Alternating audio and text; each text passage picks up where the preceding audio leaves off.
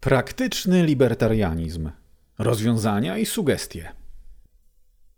W poprzednim rozdziale przedstawiłem zwięzłą listę powodów wyjaśniających powszechność etatystycznej mentalności, a także zasugerowałem, że jej ostateczny zanik może nadejść szybciej niż większość mogłaby się spodziewać.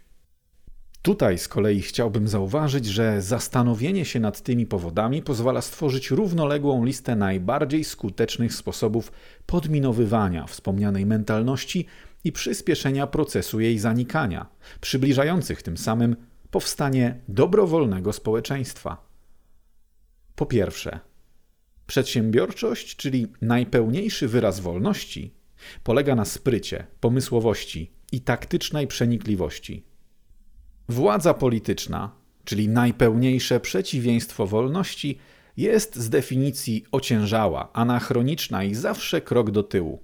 W związku z tym, ogromnym polem do popisu dla osób posiadających talent przedsiębiorczy, zwłaszcza tam, gdzie jest on połączony z talentem technologicznym, jest tworzenie rozwiązań umożliwiających obchodzenie strefy wpływów władzy politycznej, a tym samym jej sterylizację, w tym również podłamanie wiary w jej niezastąpioność. Na tej właśnie zasadzie kryptowaluty powoli sterylizują władzę banków centralnych. Internet polityczną kontrolę nad przepływem informacji i egzekwowalność praw własności intelektualnej, a organizacje arbitrażowe znaczenie legislacji. Powstawanie wszelkich tego rodzaju rozwiązań pokazuje także, że skuteczna przedsiębiorczość nie tylko nie potrzebuje politycznej protekcji, ale też tym lepiej się rozwija, w im wyższym stopniu jest od niej niezależna.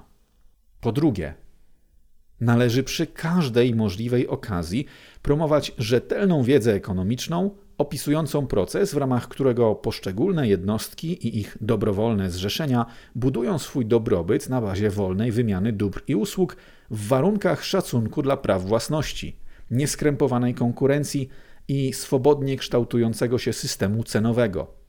Innymi słowy, nigdy za wiele Frederika Bastiata i Henry'ego Hazlita, czy to wśród rodziny, czy wśród przyjaciół, czy wśród współpracowników.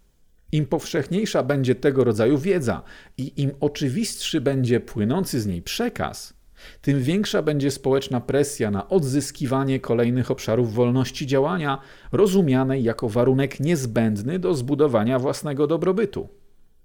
Warto przy każdej możliwej okazji promować poczucie samodzielności, samorządności, przedsiębiorczej inicjatywy w jak najmniejszych lokalnych społecznościach.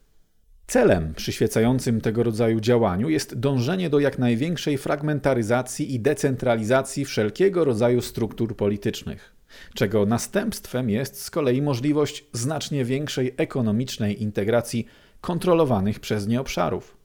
Jest to logiczny wniosek wypływający z faktu, że im mniejszy jest dany organizm polityczny, w tym mniejszym stopniu może on sobie pozwolić na drenowanie sił witalnych lokalnej gospodarki i godzenie w jej swobodny rozwój, jak również tym mniejsze ma ku temu środki.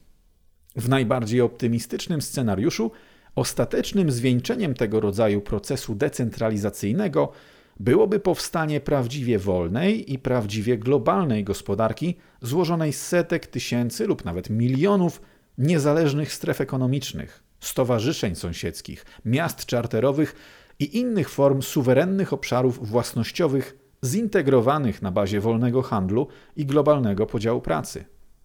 Po czwarte, warto budować we wszystkich kręgach społecznych, w jakich się poruszamy, jak najbardziej kosmopolityczny nastrój, podkreślający moralną nieistotność wszelkich, nie wynikających ze swobodnego wyboru przynależności, w tym przykładowo przynależności etnicznych, oraz moralną uniwersalność zasad pokojowego współżycia międzyludzkiego, a także wynikające z niego gospodarcze korzyści.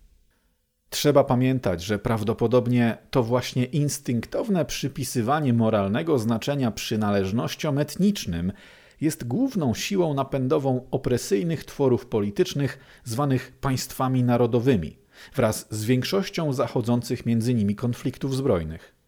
Oddelegowanie wszelkich sentymentów związanych z tymi przynależnościami do kategorii czysto estetycznych byłoby bardzo istotnym krokiem na drodze do uruchomienia opisywanych w poprzednim punkcie procesów decentralizacyjnych i secesjonistycznych wraz ze wszystkimi ich pozytywnymi skutkami. Po piąte, warto wreszcie, mając odpowiednie zasoby czasu, chęci i możliwości, angażować się we wszelkiego rodzaju działalność charytatywną, filantropijną i ogólnie rzecz biorąc społeczną, zwłaszcza jeśli dzięki własnym talentom przedsiębiorczym jest się w stanie uczynić tę działalność naprawdę skuteczną.